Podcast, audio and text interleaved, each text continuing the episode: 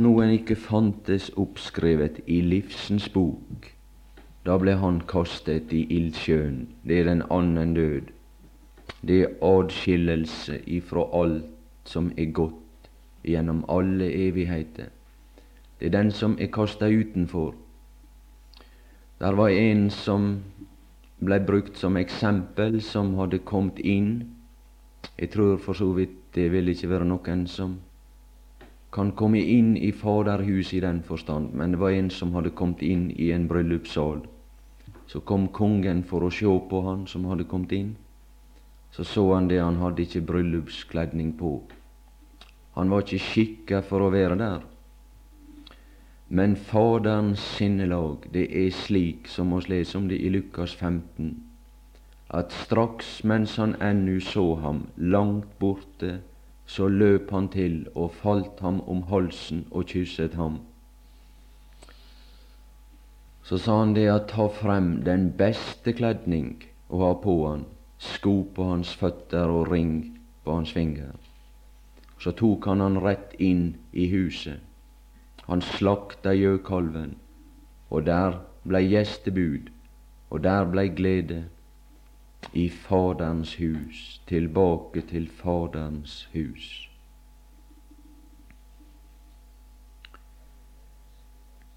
Det er noe som er et prinsipp som vi kan lese om gjennom Skriftene. Det er det at alt blir prøvd. Der jeg prøver på alt, om det er ekte, og om det er sant. Det gjaldt for Kristus mens han var her. Han blei ført om i ørkenen for å fristes av djevelen. Men nå skal ikke gå inn på dette så voldsomt nøye. Men det var slik at, som det står i Åpenbaringa 12.15, og står det det at slangen sprutet av sin munn en elv. Så kan forresten nå slå opp det, denne plass. Matteus i Åpenbaringa 12, 15. Der står det om en innflytelse som gjenger ut ifra Satan, ifra den gamle slange. Det er skrevet i en annen sammenheng, men det står det at slangen sprutet av sin munn vann som en elv etter kvinnen for å rive henne bort med elven. Og det er en motsetning til det som gjenger ut ifra Guds munn. Hvert ord som gjenger ut ifra Guds munn, og det som gjenger ut ifra Guds trone, og det som kommer ut ifra dørtreskelen til Guds hus, som oss kjenner som en livgivende innflytelse, som er i stand til å tilfredsstille oss. Men det som gjenger ut av slangens munn, det var det samme som oss leser om i Første Mosebok, at slangen talte til Adam og Eva, og så reiv han dem bort ifra Guds samfunn og til fall. Men der er likevel gjennom Skriftene vist det på de forskjelligste måter at alt skal prøves. De som er i tusenårsriket, de skal også prøvast. De skal stilles på prøve, og det er vel for at all falsk prakt og den pryd som ingen verdi har, skal få forsvinne. Og for det andre så er det også den oppgave at det skal vise Guds storhet. Det skal vise den kvalitet som det er på det som Gud har gjort, og den frelse som Han har brakt til veie ved sin Sønn. Og det gjør ingenting det voldsomt hva det kan storme og blåse på min heimplass. Men bare det at jeg har sterke tiltru til det som han gjorde, han som bygde mitt hus, så kan jeg sitte trygt. Og det gjør meg ingenting om jeg kan høre det at det stormer på huset. For det stender, det blir stående. Og der er en fyr som er rett ut for vår plass. Er der Jan Harald seiler forbi hver gang han gjenger på sjøen. Storholmen fyr. Han er bygd bare på ei ganske lita klippe, en klippeformasjon som stikker opp av havet. Og så er den solid festa til klippa, og så er han bygd opp. Men der kan havet stå på slik at det bryter over det hele. Men han står fremdeles. Slik er det også med Jesus. Det, det blir stående. Det er Han som, som er festa og har sitt feste i Gud.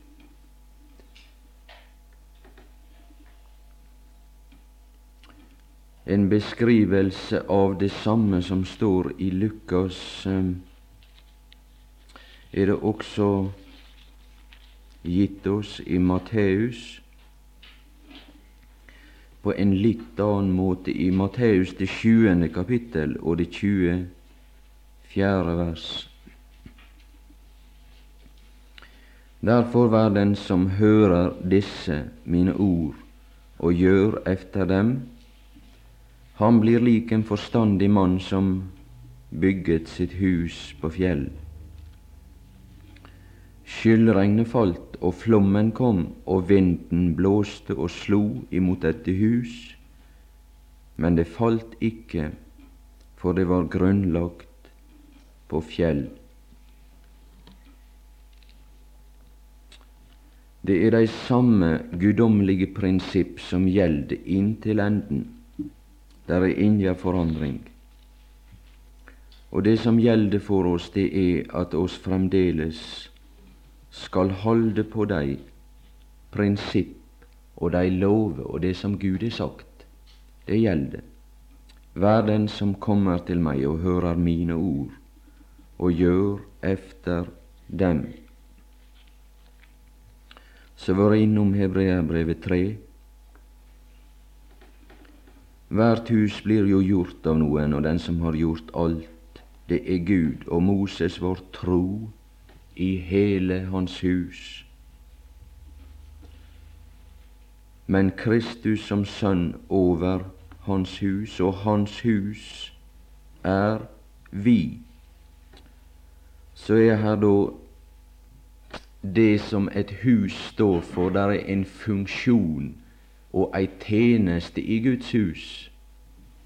Og denne tjeneste kan komme i uorden hos meg eller hos deg hvis oss ikke holder og retter oss etter det som Gud har sagt. Det er disse lover som gjelder for tjenester i Guds hus. Og det var ikke fritt for Aron og for Levis sønner hvordan de ville innrette tjenester i Guds hus, i tabernaklet og seinere i tempelet. Men det var etter det som var foreskrevet av Moses og som sådan så kan oss være som Moses og være tru i Guds hus, eller oss kan være utro i Guds hus. Men da vil det gå tapt innholdet i det hus når huset stender som forbilde på ei tjeneste som må se for Gud og Hans hus er vi, så fremt vi holder vår frimodighet og det håp som vi roser oss av fast inntil enden. Og det står tale om da i første Korinterbrev, det tredje kapittel,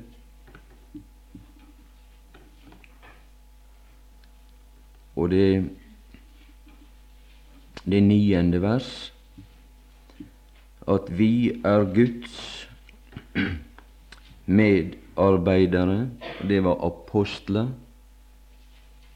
Dere er Guds akerland. Der er innført et nytt, et nytt bilde.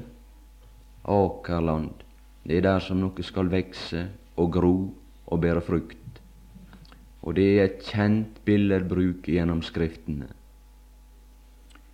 Der er Guds akerland, Guds bygning, og oss finner en kombinasjon av disse to ting som oss skal leite opp i en Det er vel i en salme.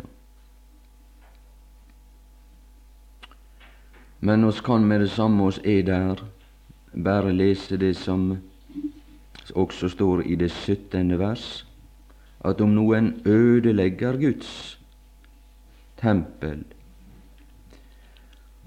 og det er det da som er djevelen si fremste hensikt. Antikrist, Antikrists ånd. Det er han som ifra begynnelsen er en løgner, og som spruter ut av sin munn det som skal vil rive alle bort ifra den enfoldige troskap imot Kristus, og fjerne seg fra disse lover som Gud har sagt. Og det skal gå han, slik som det står der i det syttende vers, om noen ødelegger Guds tempel, og vi veit det at han sjøl attrår den plass som tilkjømmer Kristus. Antikrist skal sjøl sette seg i Guds tempel og gi seg ut for å være Gud. Og han skal også forføre Israel, Guds folk, og endatil de utvalgte, om det er mulig. Men i Israel så vil det være en rest som er trofaste imot Guds ord, som man vil gå ut ifra og starte og legge grunnvollen for ei ny husholdning som er tusenårsriket. Og der er de med de 144 000 som er besegla, som han har satt sitt segl på som på en måte vil bli grunnvollen i den nye bygning som han skal reise, og det som han skal få ut av tusenårsriket. Men dommen over djevelen er ugjenkallelig, og det vil bli fortapelse av liv og gjerning så langt i vår tjeneste som oss ikke føler de guddommelige prinsipp. Men la jeg med en gang understreke det at det ikke tale om fortapelsen ved at det kan bli tale om at de sjel kan gå evig fortapt ved å ta feil på et eller annet punkt. Er vi troløse, er Han trofast, for Han angrer ikke på at Han kaller oss om oss feiler på de forskjellige vis. Og det står endatil om det en som er nevnt i Korinterbrevet, at han blir overgitt til Satan for å tuktes, for at han skal la være å spotte, for at hans ånd kan bli frelst på den Herre Jesu Kristi dag. Og derfor den som er frelst uforskyldt av nåde, er sikra en plass i Faderhuset. Men det som han vil, det er det at vi skal praktisere de samme lover som Guds sønn, og bygge vårt hus på den måte. Og det som oss bygger på den måte, det skal bli stående og være med i Guds hus gjennom alle tider. Men der er ei prøve på alt som oss bygger, all falsk prakt, alt som er bygd utenom Guds ord, det vil falle sammen, det vil blåse bort som agnet for vinden. Det er det guddommelige prinsipp å prøve. Og det skal bli et stort fall, og det står om en dom i åpenbaringa over de falske bekjennere, den falske kirke, som blir ødelagt, det som er etter Antikrists ånd. Om noen ødelegger Guds tempel, han skal Gud ødelegge, for Guds tempel er hellig. Det er den lov som gjelder for det hellige, det ukrenkelige. Men denne kombinasjonen av disse begrep, det står da om i Salme 92 og vers 14. De er plantet i Herrens hus de blomstrer i vår Guds forgårder. På en måte så er oss i her i Guds forgård i denne verden. Og oss har bare dette vårt håp som et anker for sjela, det som er trygt og fast og når innenfor forhenget. Men enda så er oss her i disse Herrens forgårder etter dette bildet. Det var slik med Israel, de hadde ikke anledning til å gå inn i tabernaklet. Det var bare presteskapet, men vår stilling er likevel at oss er et hellig presteskap og er adgang der, men i vår erfaring så er oss her på jord, sjøl om oss har vår stilling også der. Og det er nødvendig på den måte som det er for et tre eller en plante, at han skal ha sine røtter i jorda. Det er for å take opp dette ifra dødens verden og forvandle det til ei frukt som kan bli stående for Gud, og som skal fylle Hans lader. Det er det prinsipp som vi ser i naturen. En plante, han står i jorda, og så strekker han seg opp imot sol og lys, og tar imot innflytelse ifra sol. Dette er noe som han Egil Skjelbrei er godt inne på, og så snakker litt om dette av og til. Det er dette som Gud lærer oss ifra naturen se planta i Herrens forgård, men så strekker oss oss opp etter det som er der oppe, og tar inn innflytelse ifra den evige sol, ifra den evige Gud. Og så blomstrer oss i vår Guds forgårder. Og det står det at den rettferdige spirer som palmen, som en seder på Libanon, vokser han. Og det var et av de viktigste materialet av det som voks i Salomos tempel. Der var flere ting som var ført inn i Salomos tempel. Det var disse steiner som var høgde ut. Det passa som forbilde på Kristus, som grunnvollen og som hovedhjørnesteinen. Og så var det det som hadde vokst en naturlig vekst, og som blei lagt inn i Guds tempel og så var det det som med møye var samla av edelsteiner, av gull og av sølv. Jau, der er noe å strekke seg etter, der er guddommelige prinsipp å ta vare på, alt som skal føyes inn i Guds bygning og bli stående. Du kan lese i åpenbaringa om det nye Jerusalem, om Guds stad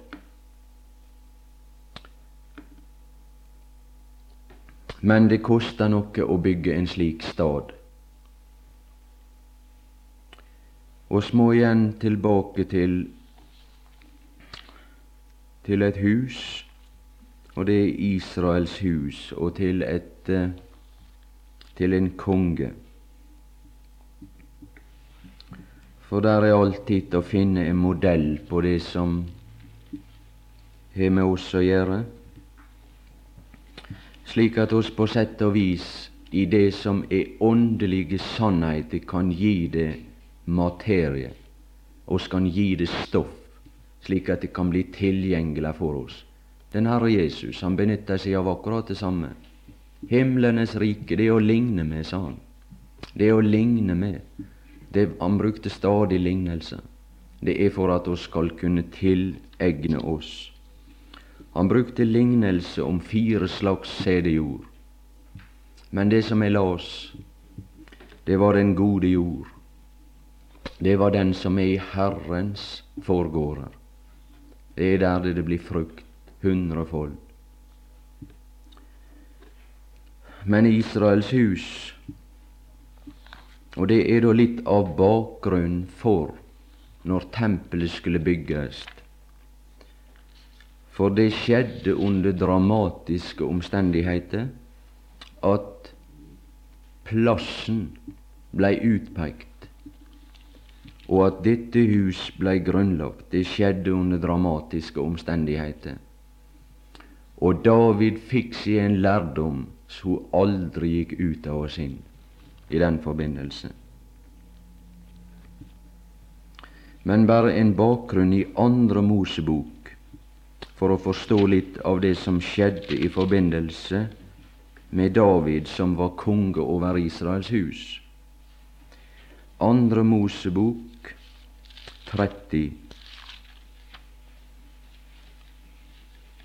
og 12, for vi skal lese om at tempelet blei grunnlagt.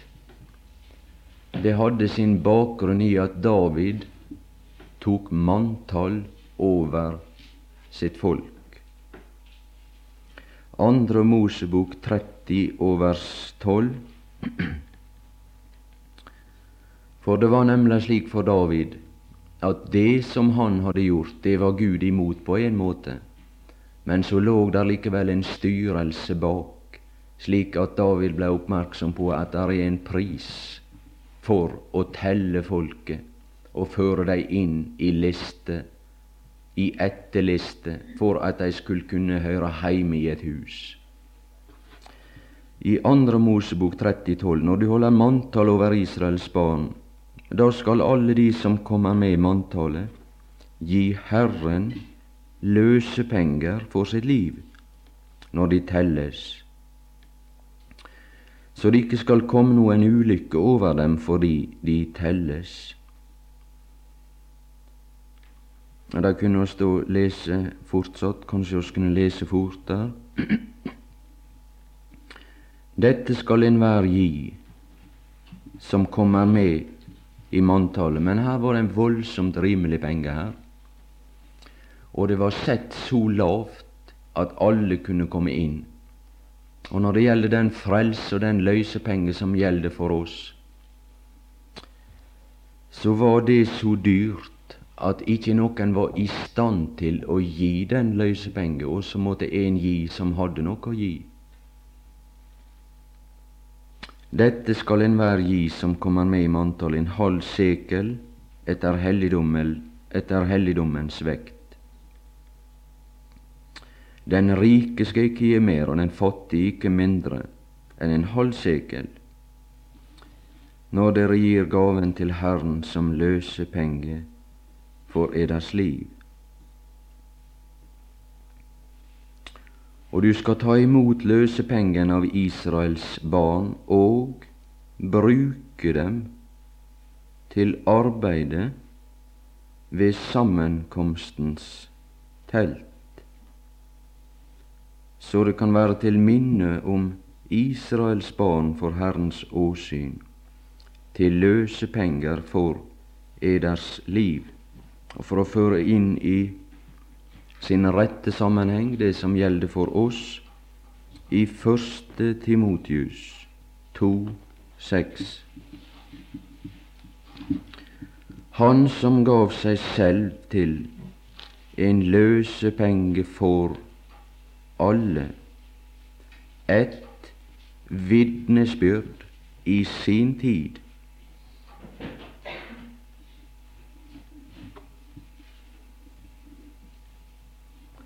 Du skal ta imot løsepengene av Israels barn og bruke dem til arbeidet ved sammenkomstens telt, så det kan være til å minne om Israels barn for Herrens åsyn. Det skulle disse penger tjene til. Og den Herre Jesus, som gav seg selv til en løsepenge for alle, verdien av dette, det er et, også et vitnesbyrd i sin tid, og for dette ble jeg satt til forkynner og apostel. Det var Paulus.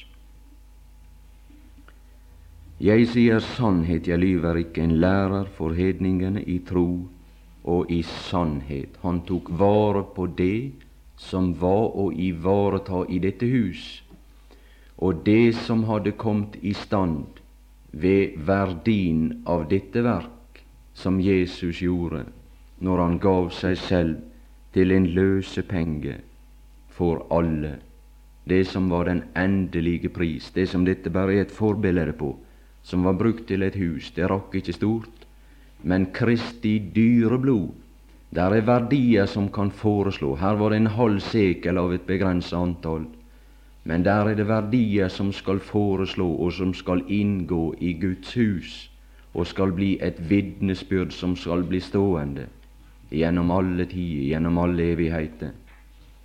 Det er det nye hus, det er Faderhuset, og det er det som Gud har fått i stand. Det er det nye Jerusalem.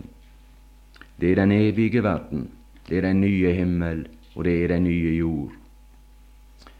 Det er der hvor rettferdighet bor, for ditt hus sømmer seg hellighet.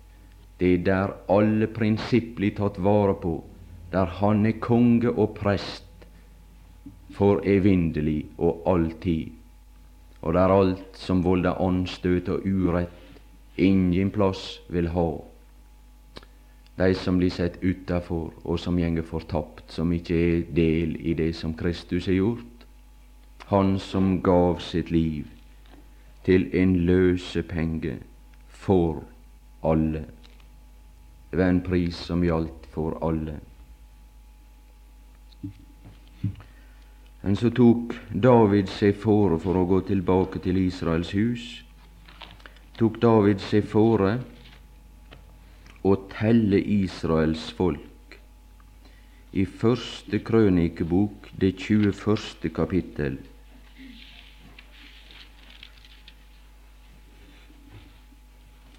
Satan sto opp imot Israel og egget David til å telle Israel. Ja, det var i grunnen bare Gud som skulle ha tallet på dem. For det var han som kunne løse dem ut. Og det viste seg det at når David skulle ta ansvar for det som han hadde gjort, så så han en stor engel som stod med løfta sverd. Og stakkars David, da var han glad da han kom seg klar. Det var nettopp denne personen som han Jan Harald har talt om. Det er det som representerer den øverste myndighet det høyeste rett.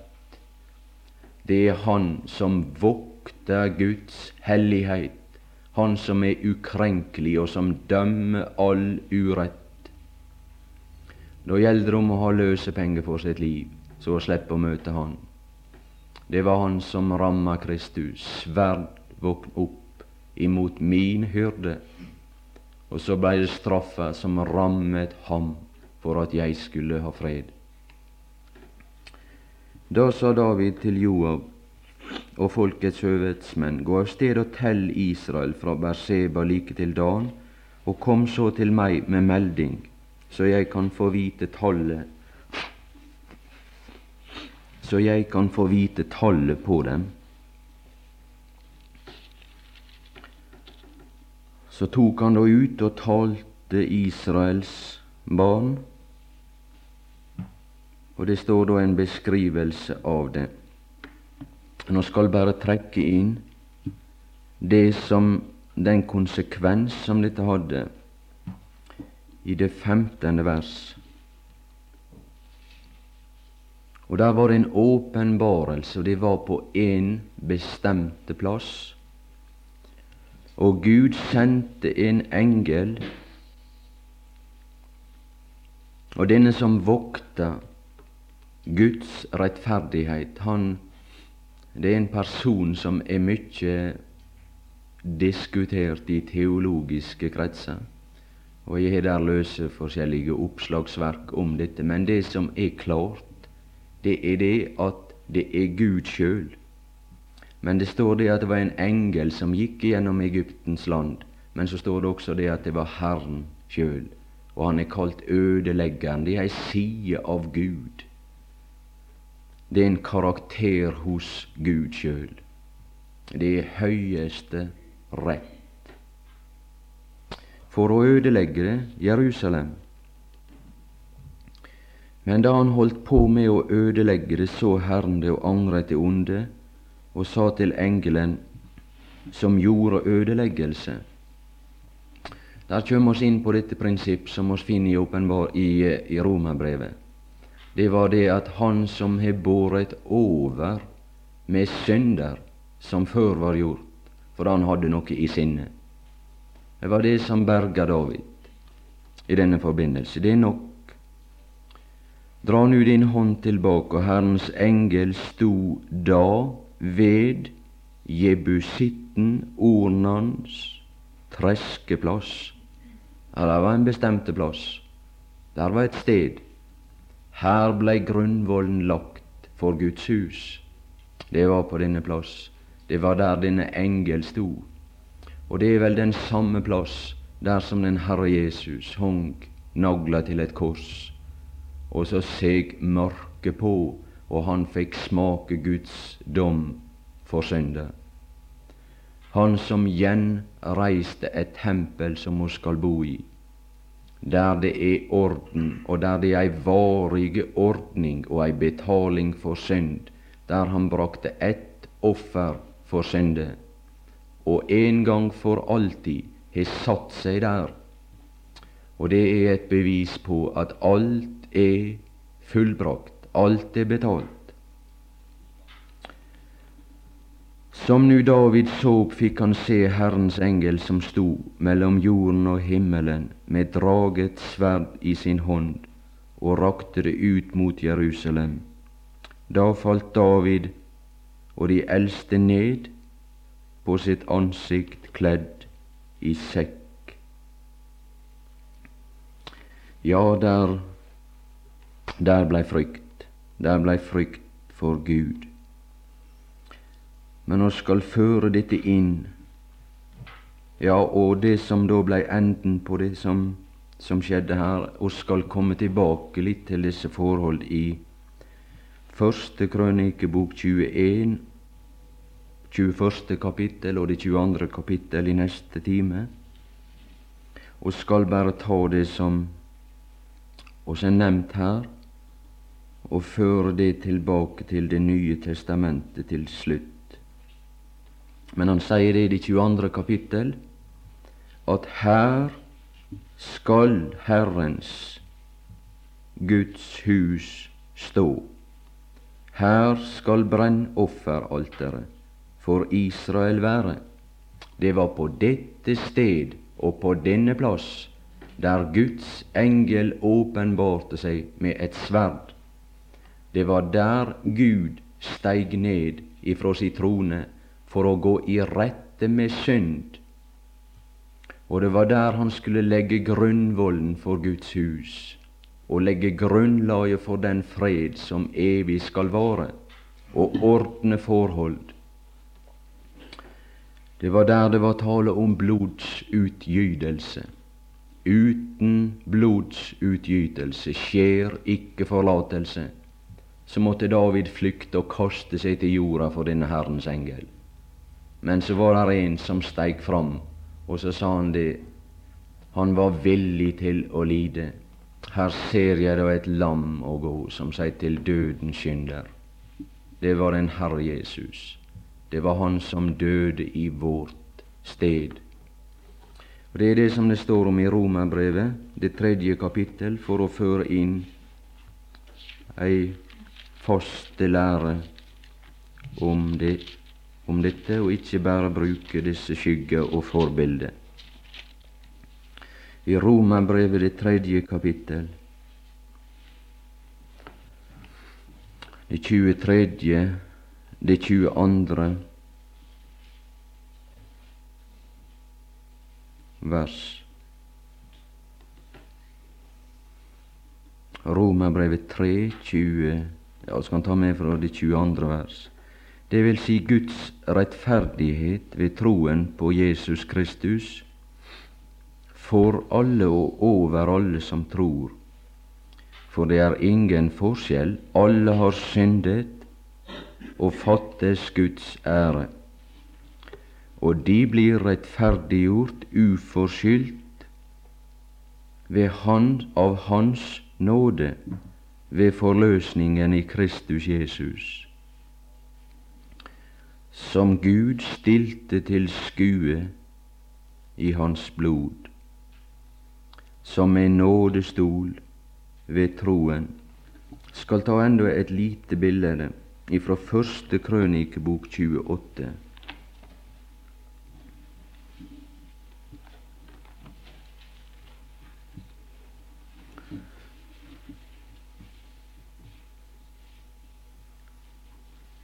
det ellevte vers, første krønike 28, 28,11.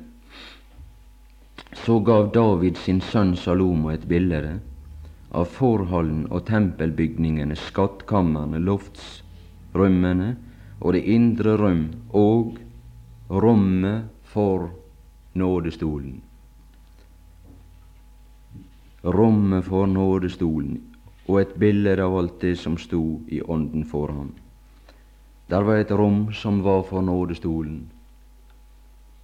Der må alt være rett i forbindelse med nådestolen. Det var etter det bildet som han viste. Og det som gjelder for nådestolen og for det rom, det er at de blir rettferdiggjort, uforskyldt av Hans nåde. Det er bildet av dette rom. Det er det rom som du kan gå inn i, som alle kan gå inn i og bli rettferdiggjort, uforskyldt av nåde. Det er det som er de lover som gjelder for det rom. Det er det som Han gir. De blir rettferdiggjort, uforskyldt av Hans nåde ved forløsningen i Kristus Jesus som Gud stilte til skue i hans blod. Det var han som blei ramma, sverd våkn opp imot min hyrde. Det var han som blei ramma av Guds dom, så gikk synderen fri. Den som Gud er stilt til skue i hans blod, som en nådestol ved troen, for å vise sin rettferdighet, så kommer det som var nevnt og det som gjaldt for David, som gjorde at han ikke blei slått når han tok manntall og han skreiv inn folk i et hus. Men oss er innskrevne og fått våre navn skrevne i livsens bok hos lammet, og det er årsak til den ekte og den sanne glede. Det er oss grunn til å glede oss over. Og det koster en annen en pris men så er det ei fullgod betaling som er betalt for at vi skulle få skrevet vårt navn i himmelen. For han viste sin rettferdighet. Det var ved å dømme Han som bar all verdens synd. Se der, Guds lam, som bærer verdens synd. Og det var fordi han i sin langmodighet hadde båret over med de synder som før var gjort. Derfor blei David i live. For å vise sin rettferdighet i den tid som nu er.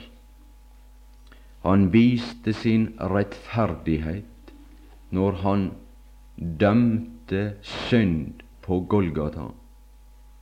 Og derfor blei Gud fridd for den anklage som hadde vært over han i de tider som før hadde gått, når han hadde oppholdt folk i de forbigangne husholdninger, så var denne husholdning og denne tid, som det stender om i Hebreabrevet, der er et uttrykk ved tidenes ende for å bortta synden. Og det som der egentlig står, det var ved tidsaldrenes sammentrekning. Han samla alt der for alle tider, det som var det godt tidligere, og det synd, den synd, og det som skal være til frelse i tusenårs, i tusenårsriket. For å vise sin rettferdighet i den tid som nu er, så han kunne være rettferdig og gjøre den rettferdig som har troen på Jesus. Det er den lov som gjaldt for det rom der nådestolen sto. Det er denne lov. Det er frelse uforskyldt for Jesus skyld. Amen.